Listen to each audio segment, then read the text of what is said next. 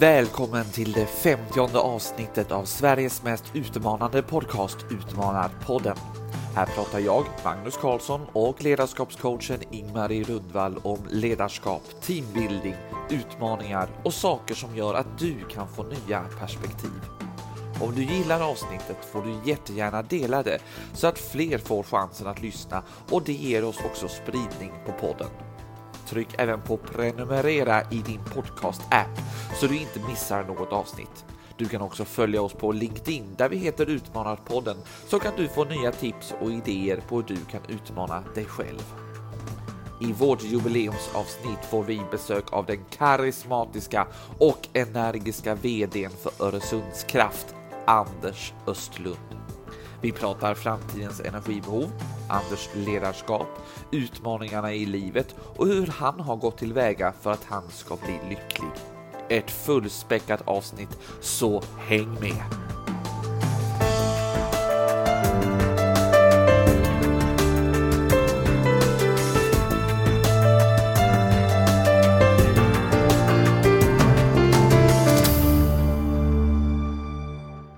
Ingmarie, nu är det dags igen och vet du vad jag har upptäckt? Eh, att det är jätteroligt att spela in podd.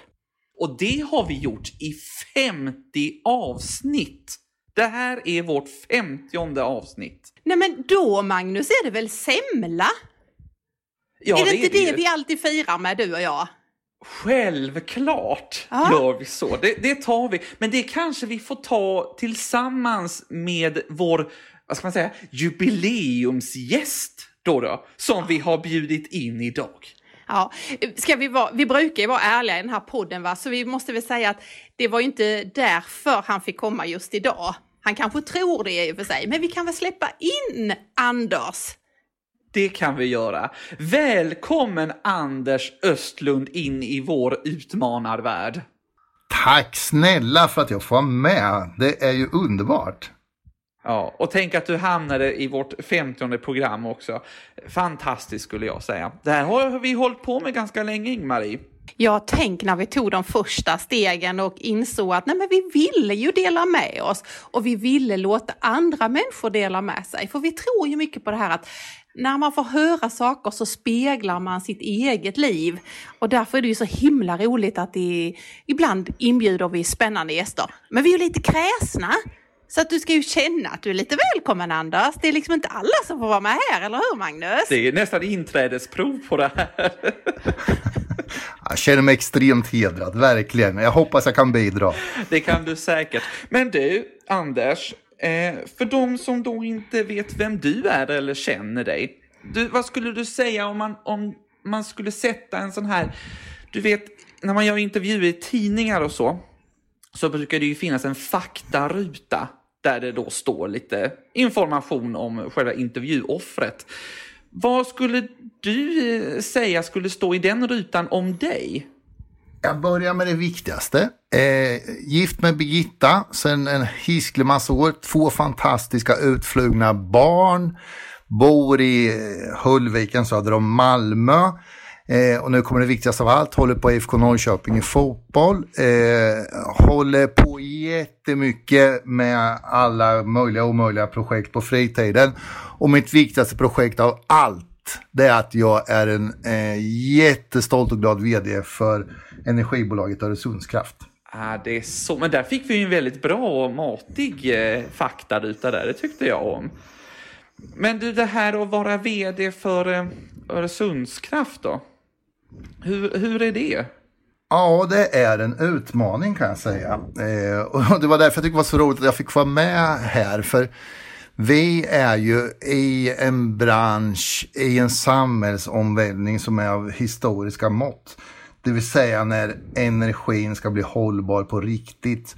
Och i det så ligger nu att hela samhället måste fasa ut de fossila bränslena och då ska man använda mer el. Och det ställer enorma krav på det Öresundskraft håller på med. Och därför är det så otroligt roligt att få en del i Öresundskrafts utveckling. Jag tänker också, fler och fler vill ju också använda el privat, men jag tänker stora företag måste ju också ställa om hela sin produktion. Alltså det måste ju vara gigantiska mängder el som man måste använda. Och även framåt. Ja, men, eh, jag fattar det. Alltså det, det är helt otroligt. Om vi nu ska fasa ut all fossil användning med förnyelsebar el så kommer elanvändningen att öka till det dubbla. Och då måste man bära med sig att de senaste 30-40 åren har elanvändningen varit i princip på samma nivå. Så hela kulturen i, i, min bransch, hela regelverket baserat på någon form av förvaltande eh, scenario. Och nu blir det någonting helt annat och det ritar om kartan fullt ut. Så vi måste bli ett annat företag som eh, faktiskt med att leverera relevanta lösningar för den här transformationen. Ja, nu måste jag slänga mig in här. För nu, nu tänker jag så här, jag är ju då äldst, i alla fall av mig och Magnus. Och då brukar jag alltid plocka in min gammelhet här. Nu tar jag in den här Anders. För visst är det så att för inte allt för länge sedan så hette det att vi skulle göra allt för att inte producera mer el. Ja, visst är det fantastiskt. Ja, ja men det, det, det, det är det här som har hänt så otroligt fort också. Att, och, och det, men det har ju med klimat, klimatproblematiken att, att göra förstås. Så att den drivkraften har funnits där i, i, många år, den saken är helt klart. Men det blir ju värre och värre för varje dag. Och jag skulle nästan säga att nu börjar paniken att komma krypande. Och, och, det är då man hittar kanske den enda lösningen som finns idag. Det är att fasa ut kol, olja eh, och kanske också naturgas i, i fortfarighet med förnyelsebar el. Och då är ju det en utfasning som ska ske i industrisektorn. Så eh, ståltillverkningen ska bli koldioxidfri, alla transporter ska bli det. All tillkommande industri ska också bli koldioxidfri. Och då måste man använda otroligt mycket mer el och det är en superutmaning. Mm. Alltså nu hoppar vi verkligen rakt in, vi, men vi kör så här i Utmanarpodden så vi bara fortsätter. Du, jag lyssnade på att Volvo ska nu göra lastbilar som går på el. Tror du på det? Heja Volvo och Scania för den delen. Så, ja, men de är, är rätt på det. Eh, även i, ja, det, de stora sektorerna som släpper ut koldioxid idag, det är ju industri, det är transport och det är till viss del också eh, el och värmeanvändning. Och på transportsidan så blir ju elektrifieringen otroligt viktigt och då är de tunga transporterna det kanske största utmaningen vi har att hantera. Och det är så glädjande att lastbilstillverkarna och de som köper deras lastbilar faktiskt börjar vakna till nu och inse att även i den sektorn så krävs det elektrifiering. Ja, och nu tänker jag bara så här Anders, när du, redan nu när man hör dig prata och våra vägar har ju korsats innan, då vet jag ju att du är en modig VD, jag vet att du är en modig chef. Och redan nu här efter två minuter i Utmanarpodden så har vi ju hört dig säga väldigt utmanande saker. Och nu var det bara till mig och Magnus och våra lyssnare. Och våra lyssnare är ju inte energinördar utan de är mer allmänbildade och ändå förstår man att du utmanar en, en, en hel sektor. Eller har jag fattat fel? Mm, ja, en hel sektor är utmanad skulle jag säga och vi är en del i, i, i lösningen helt enkelt. Sådär. Och då måste man faktiskt tåla att tänka nytt i, i allt. Teknik, affärsmodeller, relationer till eh, olika eh, aktörer. Eh, man måste skaffa sig andra typer av förmågor i det egna företaget. Så allt rörs om nu på ett sätt som jag aldrig varit med om tidigare. Och det är otroligt utmanande. Jag kan lova att jag går och lägger mig trött om kvällarna. Vad bra! Är det för att du gör mycket eller för att du tänker mycket? Ja, men både, både och. Vi, vi gör otroligt mycket för att hjälpa till att hitta de här nödvändiga lösningarna. Och det är ju, nöd, och det är ju lösningar på tillförsel på energi, distribution av energi och användning av energi. Man måste jobba med alla de perspektiven samtidigt. Så det ena är ju att hitta lösningar. Det andra är ju att hantera sin egen ja, sin egen plan för att ta det här vidare. Jag ska ju hjälpa Öresundskraft och, och sedermera våra kunder att navigera i den här energilandskapet som håller på att ritas om i, i supertakt och det dyker upp så många konsekvenser av, av det. här. Mm, jag vet inte om ni har sett det nu, men de senaste dagarna så har ju elpriserna varit skyhöga i södra Sverige. Alltså verkligen skyhöga. Och helt plötsligt är det kunder till oss som börjar fundera på hur de ska klara av en framtid med jättehöga energipriser. Eh, och där andra miljöskatter liksom hänger med. Så det är en sån aspekt som helt plötsligt bara bubblar upp. Den hade jag inte tänkt på förra veckan. Så hela utmaningen är liksom så mångfacetterad och det dyker upp nya aspekter nästan på daglig basis. Och det blir ju himla jobbigt att och liksom hålla ordning på alla de här bollarna och, och adressera dem och styra skutan vidare i, i det. Så det är rörigt på ett sätt som jag aldrig har varit med om tidigare i hela mitt yrkesliv.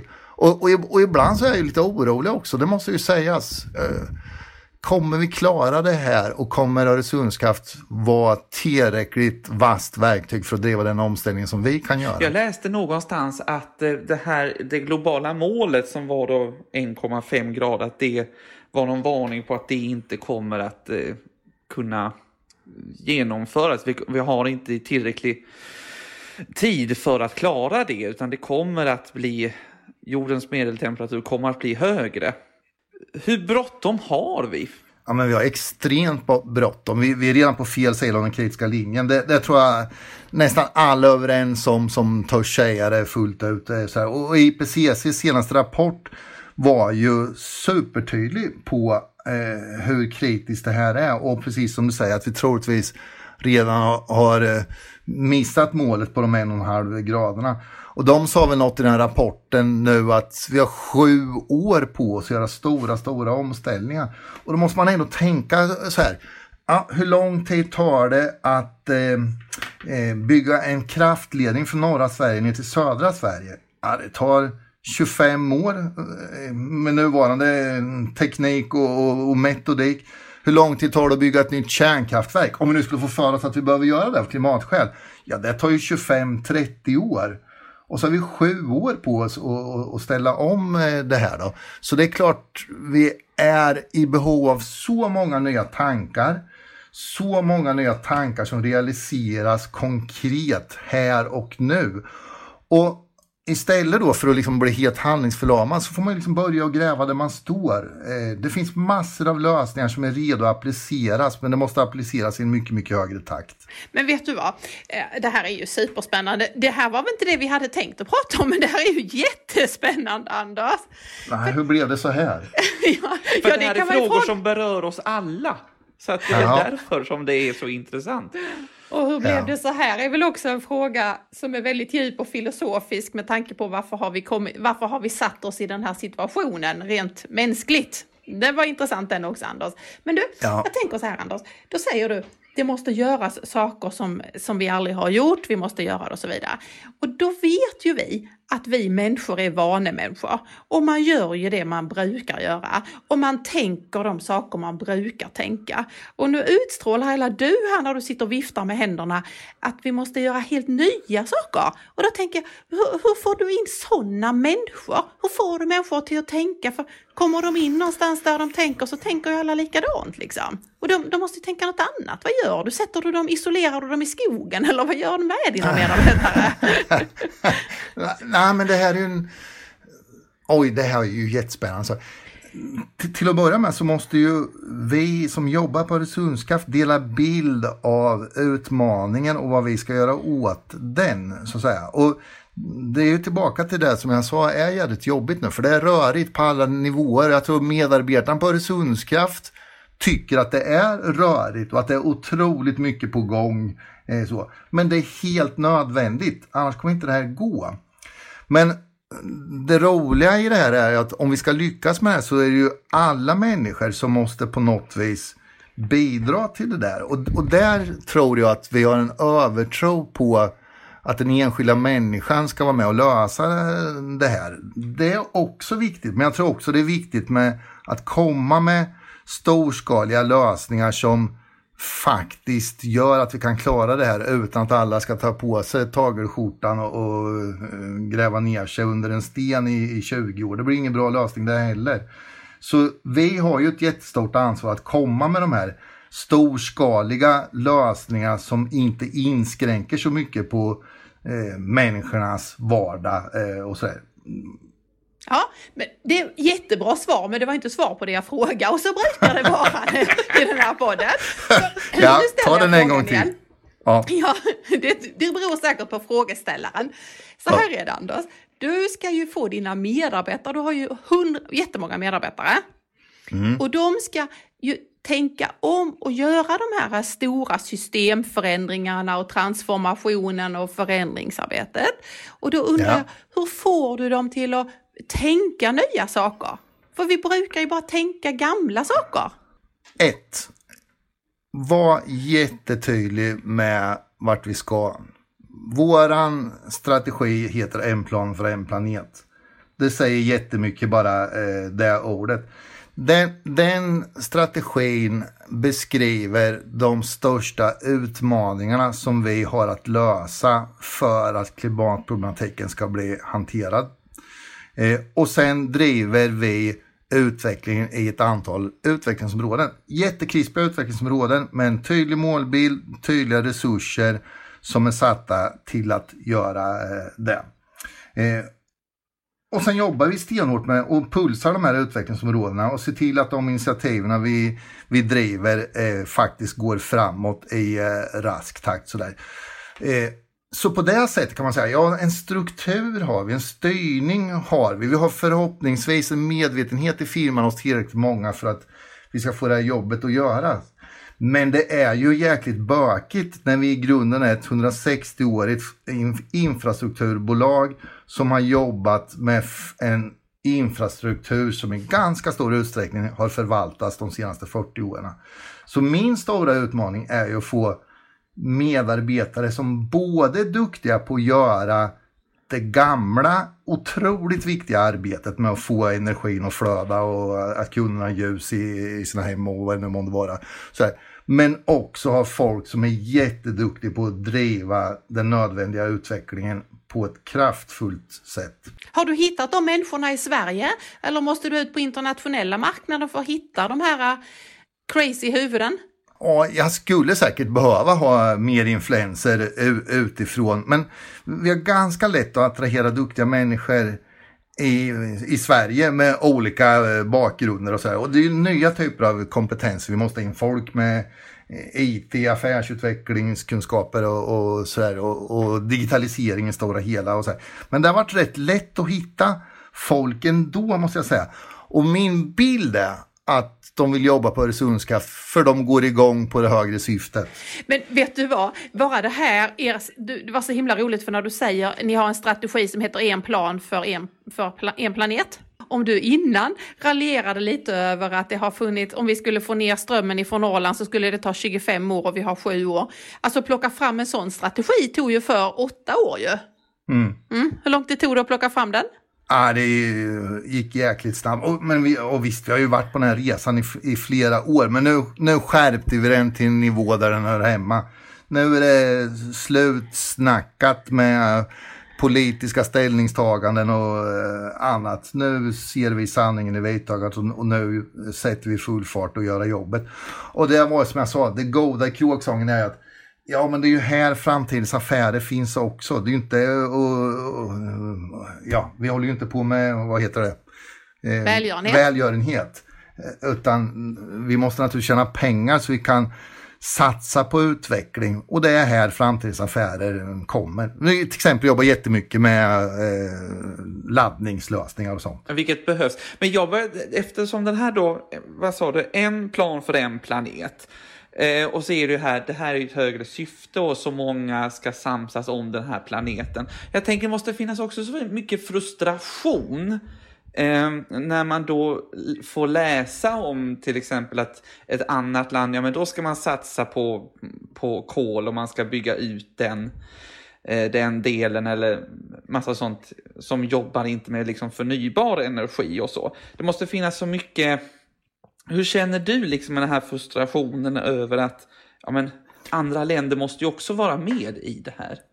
Påminner mig om jag glömmer bort att jag ska prata om den här frågan i två perspektiv. För, för får jag börja med den första? Jag, jag blir galen. Jag, jag Ja, har... då är det jättelångt Anders till man kommer till den andra. Det hade varit en sak om jag hade sagt jag har 25 perspektiv. Men det var lite Ja, roligt precis. Ja, när du sa jag har två perspektiv. Ja, Jag ja. fick kanske glömmer tvåan om jag börjar med ettan. Ja, precis. Nej, men mitt första pers- perspektiv är att jag blir galen. Och man behöver inte titta utanför Sveriges gränser för att bli eh, galen mellan varven. Alltså, för, för vi, vi lyckas ju trassla till diskussionerna så vi hamnar i subdiskussioner som faktiskt inte har så mycket med problemet att göra. Och vi hamnar ofta i lösningar som tar sin utgångspunkt i det bästa, inte det goda. Och det vi måste göra nu när tidsperspektivet är så snä- snävt, det är ju att vara rädd om de bryggorna som vi har in i det helt koldioxidfria samhället.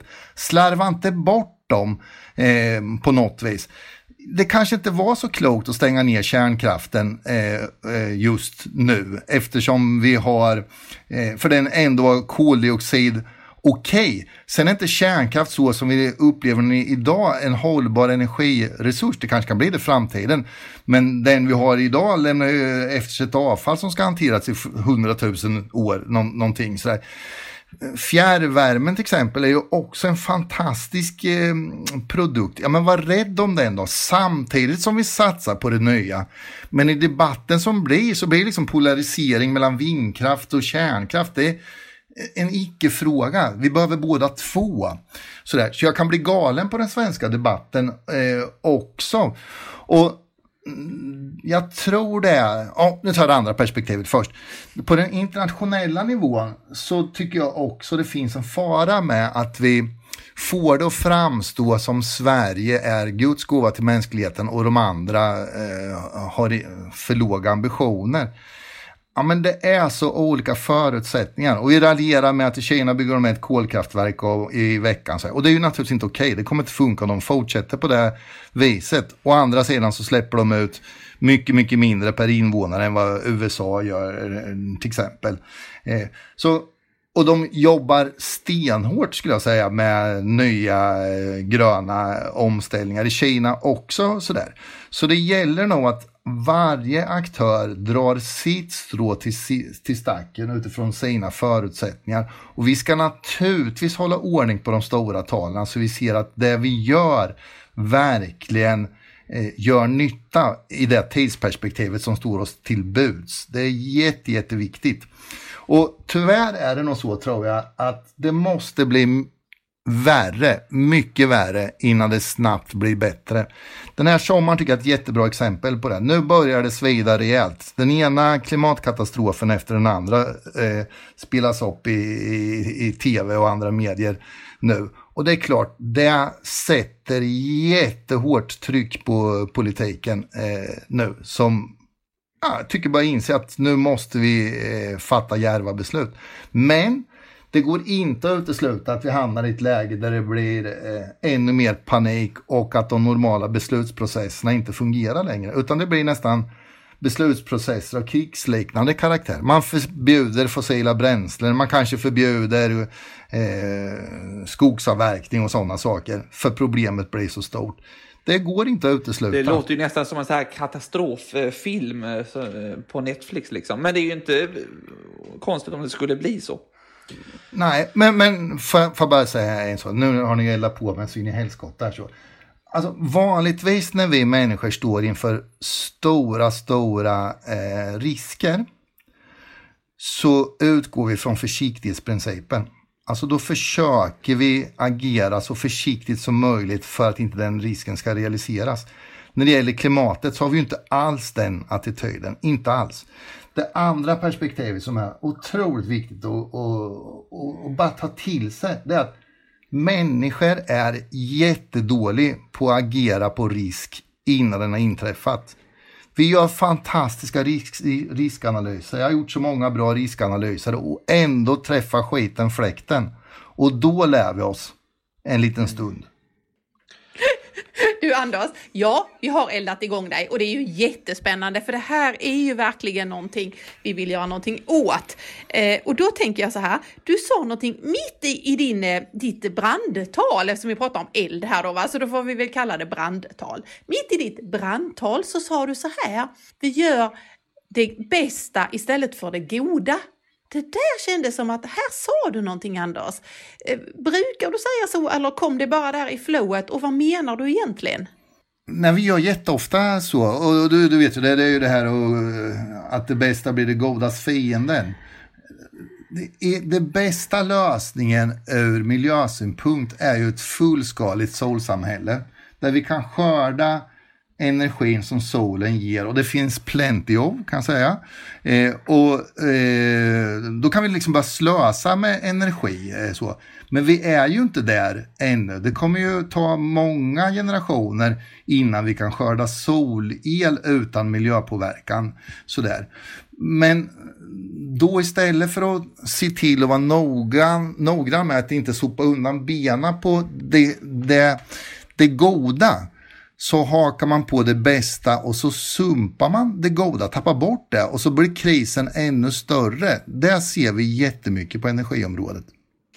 Du, nu har det varit ett lång, vi, vi kallar detta Magnus inledning. I så fall så kan man väl säga att, att Anders har vunnit årets längsta inledning. För nu vet, vi, nu vet vi vem Anders är och vi vet verkligen vad du står för. Vi vet vad du brinner för och vi vet att du vill verkligen hjälpa oss att få en bättre planet och det är vi så glada för. Och du verkar ju ha ett otroligt mod och engagemang i det. Det hör vi ju på rösten. Och nu tänkte vi liksom göra ett halvhalt i det här och så tänker vi utmana dig att inte titta framåt utan nu titta bakåt.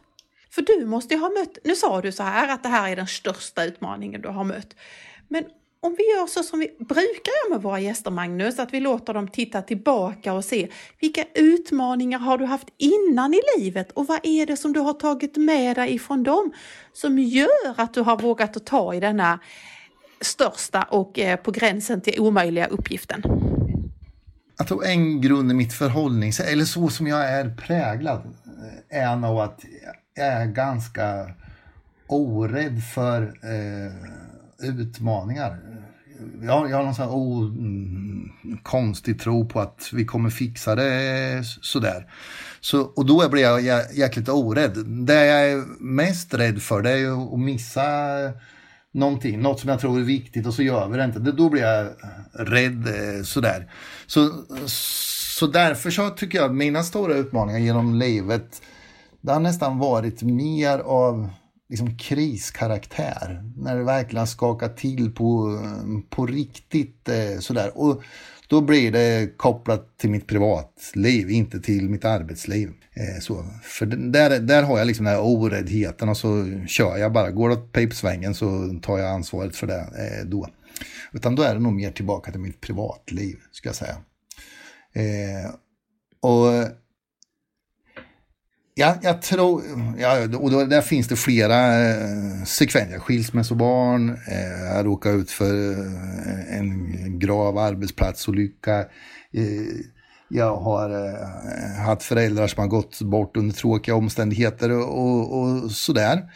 Och det är liksom punkthändelser som blir en stor utmaning. Men jag ska nog säga min största utmaning i livet, det har nog varit kopplat till egen hållbarhet. Mm. Eh, att få eh, ihop livet på något vis och överleva i, i det. Det känns ibland som jag har gått på en ganska smal stig mellan eh, fysisk kollaps och, och överlevnad i, i, 30 år typ. Ja, så du menar dig själv som människa? Ja. Ja, ja, ja, jag trodde du menade ja. så här, din egen livsstil. Det var inte den du menade? Ja, nej. Nej, nej, och jag, jag, nej, jag tänker nog mer på att få energin att räcka till. Ja. Det, det, är nog den största utmaningen som jag har haft genom åren och som det tog en ganska lång tid innan jag fattade att här har jag en utmaning som jag måste ha en strategi för. Ja. Och det är att vara rädd om dig själv, att få dig själv till att hålla, dig själv till att orka och få Ja. det som du är född med, Andersmängd energin, att eh, räcka till till allt du vill då? Ja, ja, ja. Vill precis du det mycket? Eh, ja, det vill jag nog, även om det har stilat sig kanske lite genom, genom åren. Alltså, men, nej, men absolut, jag vill eh, mycket. Eh, och i, tyvärr i ett alldeles för brett scope eh, inledningsvis. Men, men det tog lång tid innan jag fattade att nu måste jag göra någonting åt det här, annars kommer det sluta med förskräckelse. Eh, och, och sen är det en livslång utmaning. Men det, kom du in i någon vägg som eh, många av våra lyssnare kan känna igen sig i? Nej, inte riktigt så. Men, men jag, jag blev ju en uh, ung medlem av Ions koncernledning i, i Sverige. Uh, jag tror faktiskt jag var den yngsta de haft någonsin. Mannen från norr kallar de mig för. Jag flyttade ner till Malmö från Norrköping. man, ville öka, man ville öka den geografiska mångfalden. uh, Och då så. blev helt plötsligt Norrköping Norrland nästan. Ja, ja, och då var jag småbarnsförälder, två barn, flyttade, jag ritade ett hus som vi byggde samtidigt och eh, ja, då var nog första gången som jag kände att ja, men det här går inte ihop sig riktigt. Man kom hem på fredagarna och ställde in portföljen i, i hallen och så tänkte man, undrar, vart är jag någonstans? Ja just det, jag är nog hemma nu. Då, då var det nog första gången och då var jag ju under 40 år med råge. Så här, då var det nog första gången som jag tänkte att ah, det här kommer inte gå om jag inte gör något åt det på ett strukturerat sätt. Sen tog det många, många år innan jag fick ordning på det. Eh, men det är jag överlycklig över, för annars hade det slutat med förskräckelse tror Du jag. sa ju där att du var tvungen att sätta upp någon strategi för hur du skulle eh, bearbeta det. Eh, hur, Ja. hur var den, liksom, hur kom du fram till den här strategin? Vad var det för strategi? Ja, men det här blir ju dö, torrt nu. nu. Nu måste man komma nu, nu är jag ju civilingenjör eh, sådär. Så jag, jag gör saker och ting ingenjörsmässigt Så ibland. han gjorde ett eh, Excel-ark, Ja, jag, tänkte, jag såg det framför mig hur du satte Jag gjorde- dig ner och började skriva så här, så här. I den kolumnen, i den kolumnen, leder du fram till detta. Ja, nej men vet, vet du vad jag tänkte? Det är ju lustigt, jag sitter dagarna ända och gör strategier, sätter upp långsiktiga mål, har visionära eh, diskussioner med mig själv och andra om vart vi ska med verksamhet och vad det nu månde vara. Men jag gör inte det med mitt eget liv. Och man möter inte så många andra som gör det heller. Och gör de det så blir det liksom, ni vet den bucketlisten så. Och det, det var inte riktigt det jag var ute efter. Så jag, jag började en process där jag började fundera på vad det är som ska göra mig lycklig. Vad jag, vad jag, vad jag blir lycklig av och hur jag ska bli ännu lyckligare i framtiden. Och så satt jag och mejslade med det där i perioder under fyra fem år skulle jag säga. Innan det satte sig. Och det som var så kämpigt för mig var ju att jag var tvungen att göra upp med mina val. Alltså att börja välja bort saker och ting. Eh, och, det, och när jag såg den här bilden växa fram så var det som, ah, det var flera stenar som bara ramlade ur ryggsäcken på, på något vis. Och det blev så tydligt. Och inte alls något balt eh, sådär, utan ganska enkla, ganska självklara saker, men för mig extremt viktiga val. Åh, vad spännande. Ja. Detta är precis detta vi vill med Utmanarpodden, att utmana våra lyssnare till att våga göra den här processen. Och vad gott att höra. Det innebar att det tog ju lika lång tid som det tar att, att bygga halva elledningen från Norrland då, eller? Ja, man kanske inte har tid med det. Men det gick inte att göra det fortare. Liksom. Jag, jag redde nog inte ut det riktigt. För det gjorde lite ont också. Eh, och sådär. Bara konstatera att ja, men det där kommer inte mm, funka. Det är bara att välja bort det. Det, tog, det blev en liten process eh, runt det. Och så hade jag en så här härlig uppföljning av den där strategin i mellandagarna varje år. Så sätter jag mig ner i lugn och, lugn och ro med, med en kopp kaffe och så verkligen försöka liksom jobba igenom det och tänka till. Och, och i början så var jag jäkligt noggrann och sätta upp lite tydliga planer och mål inom de här områdena som jag hade identifierat som viktiga. Eh, och, och då helt plötsligt så hände ju det. Eh, och då sitter ni så och tänker, undrar vad han hade på Ja, det gör listan. jag. Eh, ja. och det tar vi i nästa avsnitt på Utmanarpodden. Till exempel ett nu inser jag att det här låter jättelöjligt så. Men en viktig grej som jag bara konstaterar mitt uppe i det här. Så att familjen är extremt viktig. Mina barn är extremt viktiga. Eh, mitt liv måste inriktas på att göra mina barn lyckliga. Eh, och det hade inte jag prioriterat. Jag hade faktiskt inte gjort det. Jag hade prioriterat jobbet. Eh, så det har varit en jätteviktig väckarklocka och en eh, eh ett litet regimskifte i mitt liv.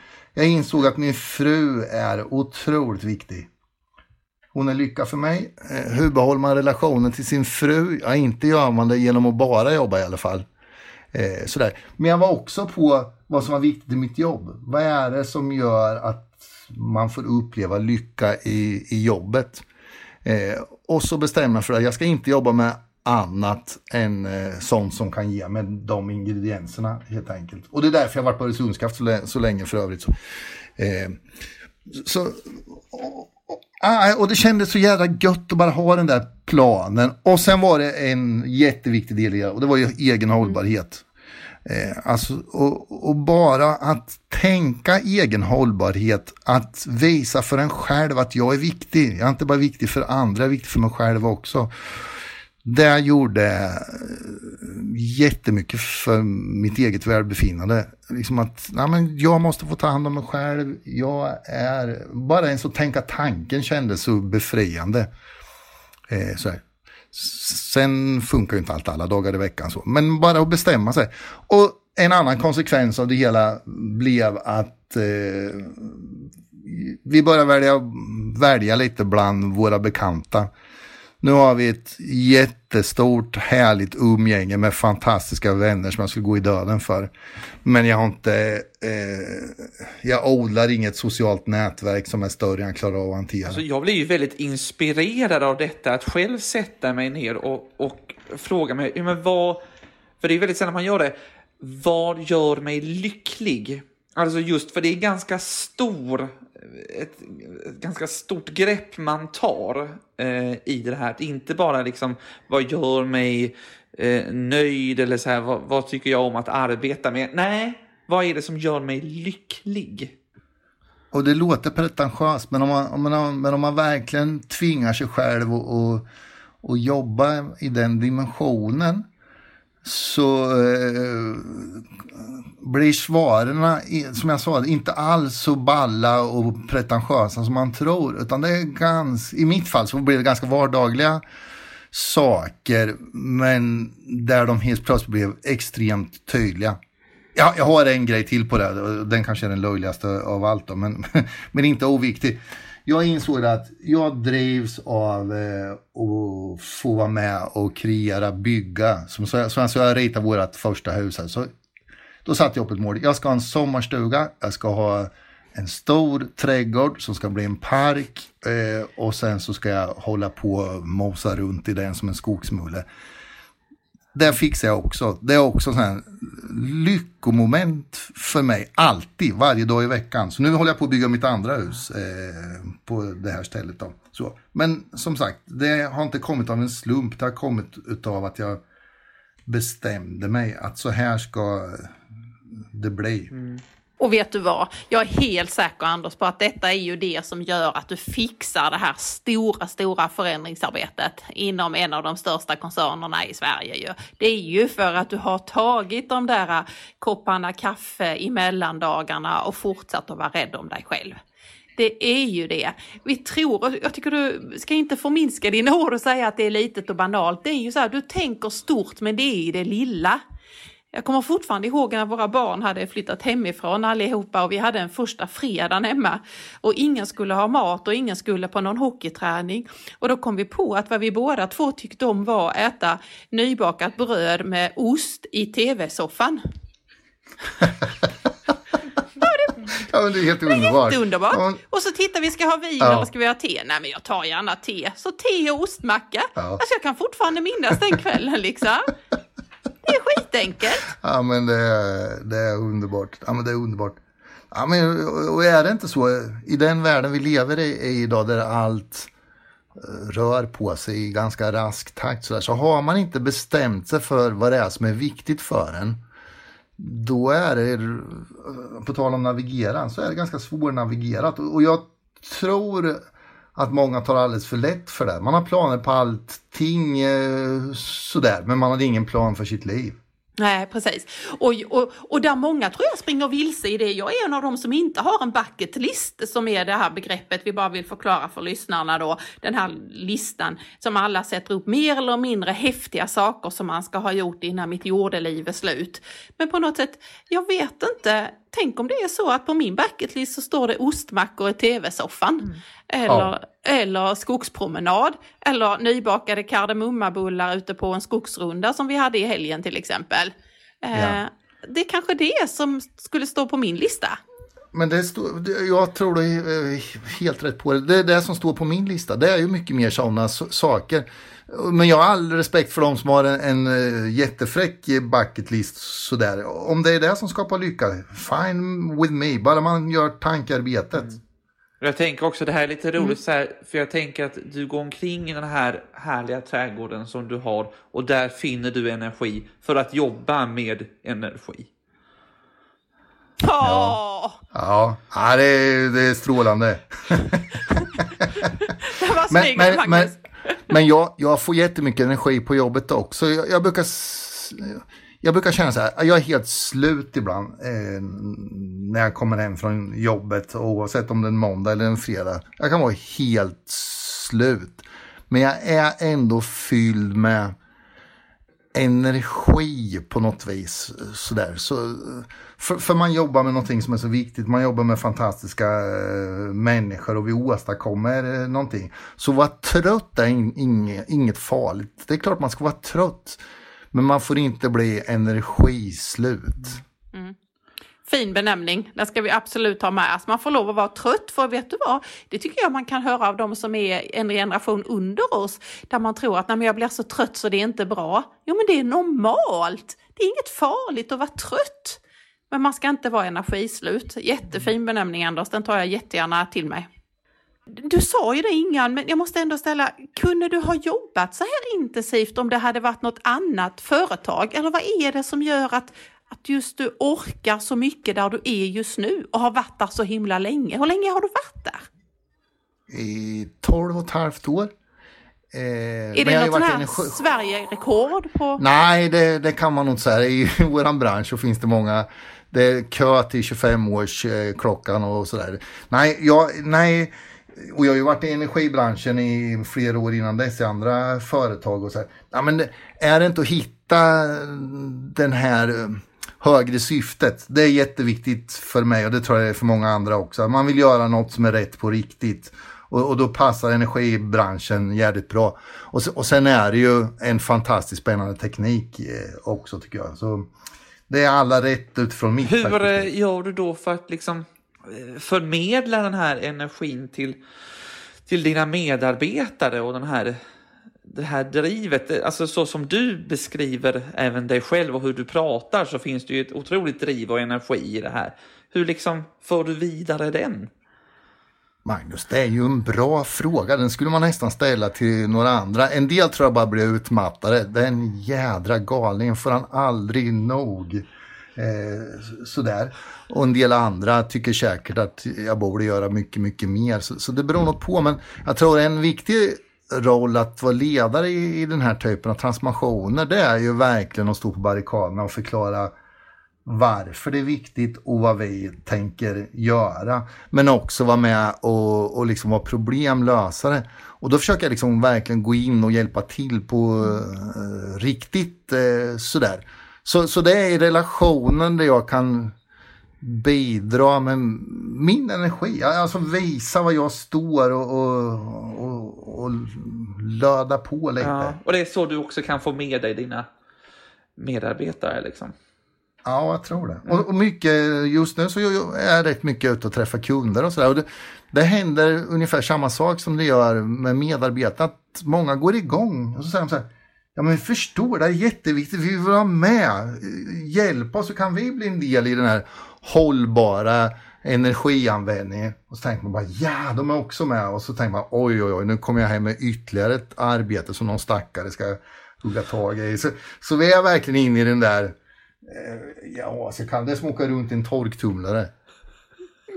Fast jag måste säga att jag tror ju jättemycket på det här att man ska tänka de stora sakerna och det är helt rätt och det är du ett jättegott exempel på. Men man ska göra de små sakerna för de gör också skillnad. Ja. Och nu såg jag, visst är det så att det är Öresundskraft nu som gör att man kan få sin elmätning och följa den i realtid? Ja, ja men absolut. Nej, visst, det, du har helt rätt i det, i det också. Det är det blir inte bra av att man bara har fina visioner och fina planer. Det måste liksom bli verkstad och det, och det är ju det jag i, i grunden verkligen brinner för. Att jag har en roll att förklara de lite större sammanhangen, absolut eh, så. Men då jag blir glad, det är ju när jag ser de små myrstegen som lyckas. Och jag tänker att, att det drivet som du är både präglad av och som du har fått cred för hela ditt liv gör att du kanske har en alldeles speciell uppgift att tänka de stora transformationerna, de stora penseldragen som kanske måste vara helt annorlunda. Du är kanske någonting helt rätt på kornet där. Men ska vi flytta oss så måste man också ta de små stegen i rätt riktning. Ah. Och, och, där har vi jättemånga ah. människor som blir jätteglada över att ja, men nu gjorde jag något litet, jättebra. Det är inte alla, för annars blir man bara matt av att möta en sån företagsledare som dig. Ja, nej, men absolut. Nej, men du har helt rätt. Eh, och, och det tänker jag jättemycket på. Och, och, som sagt, jag älskar de små lyckosamma myrstegen. Eh, däremot hatar jag myrsteg som aldrig tas. Då, då kan jag bli frustrerad. Men, men det är också något annat som är otroligt intressant i, i, i, i den här omställningen. Och det är ju ledarskap och sitt eget ledarskap. Jag, menar, jag är skolad under den här förvaltningsfasen, även om jag kanske även i, i, den fasen var lite mer progressiv än vad en del andra var. Jag har ställt mig frågan mycket nu de sista åren om jag är rätt person för att, att, att guida Öresundskraft i en sån här förändring. Eh, sådär. Och, och det är väl svaret skyldig, tänker jag. Men, men även i det, vi pratar om utmaningar, så här, ja, men det oroar mig ingenting. Om jag inte räcker till, eh, då kommer det att bli tydligt. Och det kommer bli tydligt för mig också. Och då eh, kommer jag lämna över till någon annan som får göra eh, jobbet. För jobbet är mycket viktigare än min egen prestige på något vis. Och det är också rätt skönt när man börjar bli lite äldre sådär. Man kan, man har inget att förlora känns det som. Mer än möjligtvis jobbet då. Och det kan man ju hitta någon annanstans. Ja, ja. Ja. Men du, jag tänker egentligen, fast det kanske blir alldeles för stor fråga, för jag tänkte egentligen att vi skulle runda av, men nu kommer, så gör vi ofta. Vi är som en riktig sån här präst, vi säger och för det sista och till sist och nu innan jag närmar mig slutet. Lyssnar man på våra poddar så är det ungefär, vi avslutar många gånger. Så jag gör inte det nu, jag måste ställa en ny fråga. Den här otroligt personliga resan som du har, har bjöd på idag, Eh, kan du se att du har gjort någon liknande resa i ditt ledarskap? Jag vet inte riktigt faktiskt. Det är klart jag har utvecklat mitt ledarskap under resans gång. Absolut, det har jag eh, gjort. Och hade jag vetat det jag vet idag om ledarskap för 30 år sedan och, och i den här fasen jag höll på liksom att bränna ut mig som värst. Så, så här, då hade jag naturligtvis agerat annorlunda. Så det är klart jag är en annorlunda ledare idag jämfört med, med tidigare. Men i grund och botten så sitter min ledarstil i eh, min prägling, i hur jag är som person. Och det vill jag inte ändra på, det går inte att ändra på heller. Funkar inte det ledarskapet så är jag fel person för uppdraget. Mm, fast eh, nu, nu eh, tror jag att jag skulle vilja utmana dig. Kan vi, inte, kan vi inte nu ändå göra så här att du får utmana oss med en fråga och då vill jag utmana dig och så ska du inte svara på den utan vi bjuder på att du ska ta den med dig. Är du med på? Ja, tack, tack snälla. Ja. Och då måste du ha en till mig och Magnus också sen då. Ja. Ja. Så då tar jag först min. Jag är rätt säker på att du har gjort en mycket större ledarskapsresa än vad du har sett ord på. Därför att du har varit VD i ett förvaltarföretag och nu är du VD i ett innovationsföretag. Och det är inte samma jobb. Så eh, när det är jul och du tar en ny kopp kaffe så tror jag att du ska utmana dig och försöka se. Du har haft en strategi, den har hållit men den har du inte riktigt sett, satt ord på. Eh, Tack för den utmaningen. Den ska jag verkligen ta till mig. Det ligger jättemycket där du säger. Det måste jag få fnula lite på tror jag. Ja. Ja, ja, det Jag bjuder har vi ju på. fått jul på dig så att... Eh, ja, vad bra. Tack snälla. Någon utmaning till mig och Magnus då, som du tänker det här skulle vi behöva? Om ni inte har det så tycker jag ni ska eh, göra en plan för ert lyckliga liv. Och tvinga er att nöta ner det i, till beståndsdelar som är mm, under floskelnivå. Ah. Magnus, är hur du... många liksom definierade liksom mål hade du på din, din lista? Ja, ja, jag, jag har eh, fyra områden. Och då är det... ja, ja, ja, men familj var ett, ett jätteviktigt. Eh, och då, där hade jag liksom undermål. Och, och sen var det vad det var som gjorde mig lycklig i arbetet. Och sen fritid och sen med relationer eh, utöver familj och vänner och, och så. Och sen var jag jädrig. Och under dem så är, det, så är jag jättetuff mot mig själv. Ja men vänta, om det här. Vad är det som är viktigt här då? Vad är det som faktiskt gör det lycklig? Och då framkommer det kanske tio olika saker som blir extremt viktiga. Och det är de jag hakar Var det på. många aha-upplevelser eh, när du gjorde det här? Ja, ja bo, både och. Dels så blev det ju sådär att ja men det är ju självklart. När man väl gör jobbet så blir det självklart. Det blir, det blir eh, hembakat bröd med ostmacka och en kopp te på fredagen. Det blir så självklart. Eh, Så. Och, och, och då blir man ju lite ledsen så här. Var det inte mer än så här? Så. Å andra sidan så blir man ju, eller jag blev så jädra lycklig av att jag hade en plan och jag insåg att det som var viktigt för mig är helt nåbart. Liksom. Det är inget konstigare än så. Det var en sån underbar känsla. Men jag fick brottas med mig själv ganska länge innan jag blev så s- skarp. Jag tror att du säger något jätteviktigt. Jag, jag, jag antar utmaningen. Hur gör du med det Magnus? Är du, är du på? Ja men absolut, jag är på utmaning här så det, nu kör vi. Ja, du är präglad på Jag samma sätt. redan liksom fundera, nu är det ju inte jul än så jag får väl vänta lite. Men eh, man börjar ju fundera redan nu, liksom nu när du pratar Anders, om vad är det som gör en lycklig? Och jag tror att, att, du, eh, att vi kan känna igen oss. Det kommer att göra lite ont. Det tog fyra, fem år berättar du. Eh, och en annan sak tror jag också att är att det kommer att ta ett tag att komma under flosklerna. Mm. Jag, jag ser det verkligen. Jag börjar också gå igång här parallellt med att vi spelar in så börjar jag också gå igång liksom. Och jag mm, ja men det där men det, det var ju en jädra floskel liksom. Ja. Social samvaro, ja men det är ju inte allt. Det är ju någonting annat tänkte jag. Sådär. Ja. Ja, jag måste tänka vidare. Nej.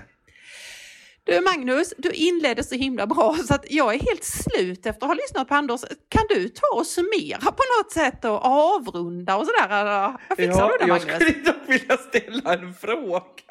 Du vill ställa en fråga. Vi tar vårt andra avslut nu. Ja, nu tar vi vårt andra Det avslut. är väl alltid så att Ingmar och jag har ett avslut och jag har ett annat avslut eh, ofta och sen så har vi något gemensamt. Men vi har ju pratat väldigt mycket liksom om energi och, och den drivkraft du har inom de frågorna Anders och sådär. Var det någon speciell eh, tidpunkt eh, då du kände det är det här som jag ska hålla på med. Det, det är det här jag ska driva de här frågorna. Alltså den, den här fullständiga dedikationen till att jobba för en håll, ett hållbart samhälle. Den kom nog när jag, när jag började på Öresundskraft, tror jag. Innan hade jag varit på de frågorna, men i den kontexten jag var där och då, då var det ju shareholder value som var högst på agendan alla dagar i veckan. Så kom man till Öresundskraft som ägs av Helsingborgs stad, där man använder bolaget för en mer mångfacetterad målbild och där miljön är jätte, jätteviktig. Och där insåg jag att ja, men i Öresundskraft så är pengarna är medlet, inte målet. Så då såg jag till att skaffa mig jädrigt mycket medel de första åren, alltså stärka lönsamheten. Och sen har vi använt dem för att eh, bygga ett verktyg som är viktigt och vast för att driva omställning mot hållbarhet. Eh, så, så då eh, vart det på, på riktigt. Och sen tycker jag som jag sa, vart efter åren har gått så har det liksom blivit mer och mer så att, nej, nu får det fan vara nog. Nu gör vi det. Nu slutar vi och, och flamsa runt mellan hötapparna. Nu går vi på det fullt ut. Det här affärerna finns också. Magnus, detta var, detta var så bra slutord så det här måste vi ta. För nu kände jag så här, nu är vi i en brytpunkt här. Börjar vi låta Anders prata en gång till om Öresundskraft så får vi en inledning till på 20 minuter. Så nu tycker jag liksom att vi börjar avrunda här. Alltså Anders, jättemycket tack för att du kom och vad underbart att träffa en VD för ett energibolag som har ett sånt tänk och som har ett sånt djup. Alltså jag är så tacksam att du ville komma. Mm. Tack snälla, det var så roligt för mig ja, att vara med. Kul att du tyckte det. Du har ju alla utmanats kan man säga. Ja. Eh, tack så mycket Anders. Tack så mycket Ingmarie för eh, den här gången. Detsamma. Vi hörs igen alla lyssnare. Hej då!